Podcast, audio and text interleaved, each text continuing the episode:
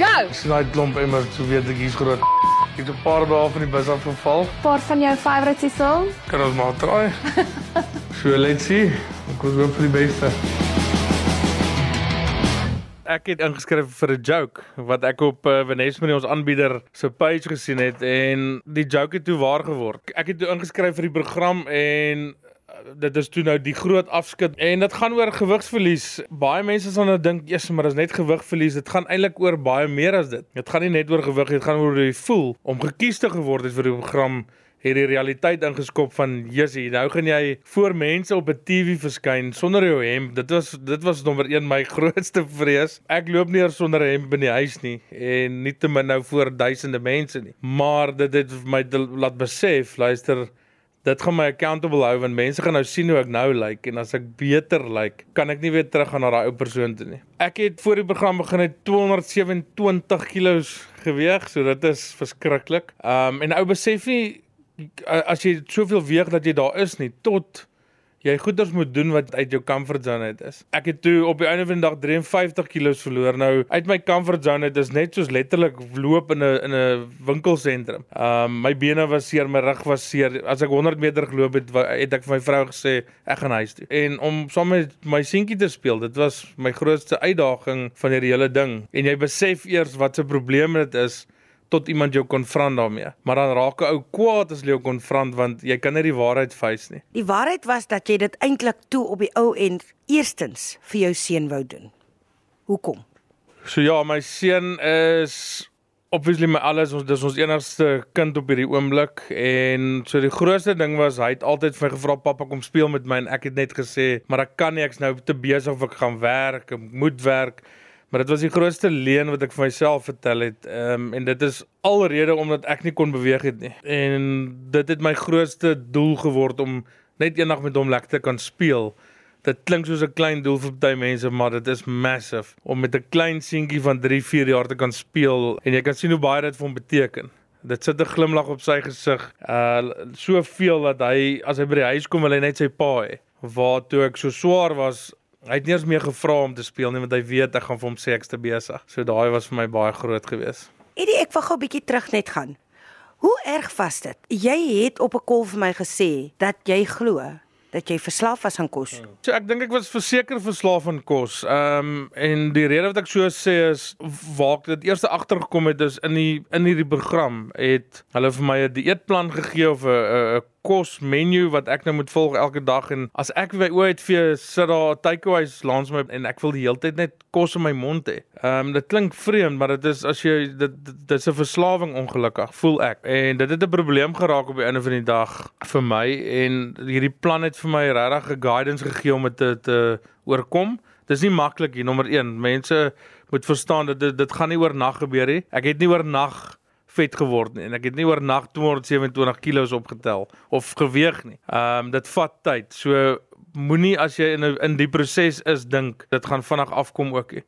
So dit vat tyd, dit vat mental tyd, dit vat fisiese tyd. So gee jouself daai tyd. Moenie moenie te gou uh goeders verwag nie. My grootste verslawing was sweets geweest, soet soet goeders, jelly sweets. Ehm um, as ek myself kry het ek 'n uh, een van hierdie kilogram pakke by Makro dan het ek so 'n pak langs my en ek eet daai ding nou op. Ek gee my 20 minute en daai ding is verby. En die ergste is as ek weer kyk in die aand na ons geëet het, dan soek ek weer so 'n so ding. So dit kan nie so aangaan en dit is waar ek ook besef het luister hierdie is versekerde verslawing. Was daar tyd tydens jou reis in hierdie 6 maande toe jy hierdie gewig begin verloor het?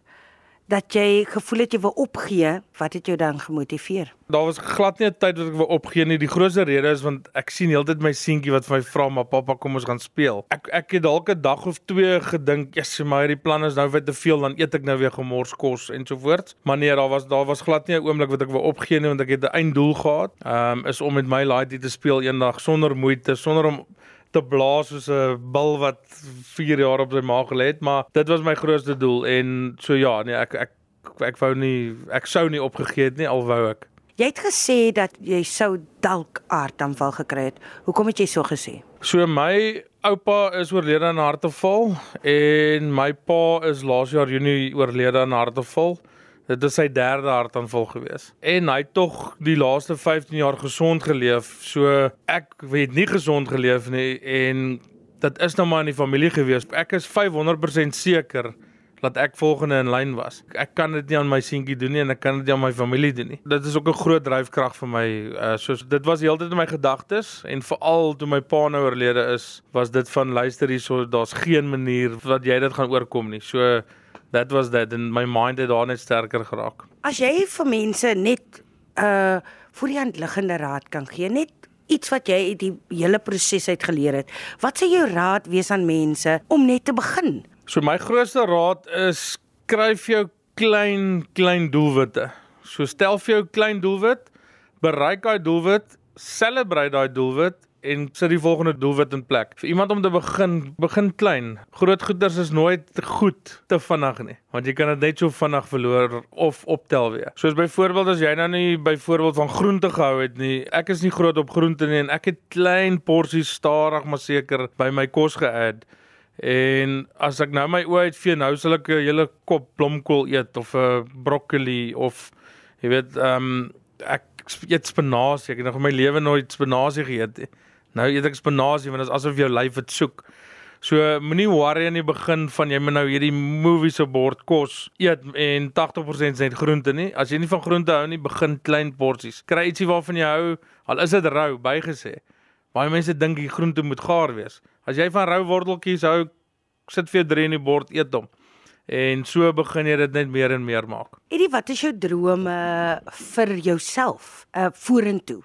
Hoe wil jy daai gewig afhou? Want jy sê jy het nou nog 50 om te gaan, hè? So ja, ek wil nog 50 kg verloor, maar ek is nie haastig nie nommer 1. Nou die rede dat ek nie haastig is nie, ek weet goeie goed kom met tyd. Ek gee myself 'n jaar, 2 jaar om om nog 50 te verloor. Ek voel great op die oomblik, so daar's daar's niks wat my haastig maak om 50 binne 6 maande weer te verloor nie. En ek weet as ek daai 50 oor 2 jaar verloor, dan sal ek dit afhou en ek weet wat die proses om dit te doen. Dit word 'n leefstyl. Dis nie 'n quick fix nie. Hierdie moet 'n leefstyl word, anders gaan jy maar nou net terug na die ou mens toe. Kry iemand wat vir jou daai ondersteuning gee wat naby jou is. Al is dit een persoon, twee persone, 'n vriend, familielid, kry net ondersteuning. Dit is die grootste ding wat my deur hierdie hele proses gedra het en hulle hou jou, hulle hou jou verantwoordelik. Dit is die grootste grootste raad wat ek ook kan gee. Hou jy van die Eddie wat jy nou is?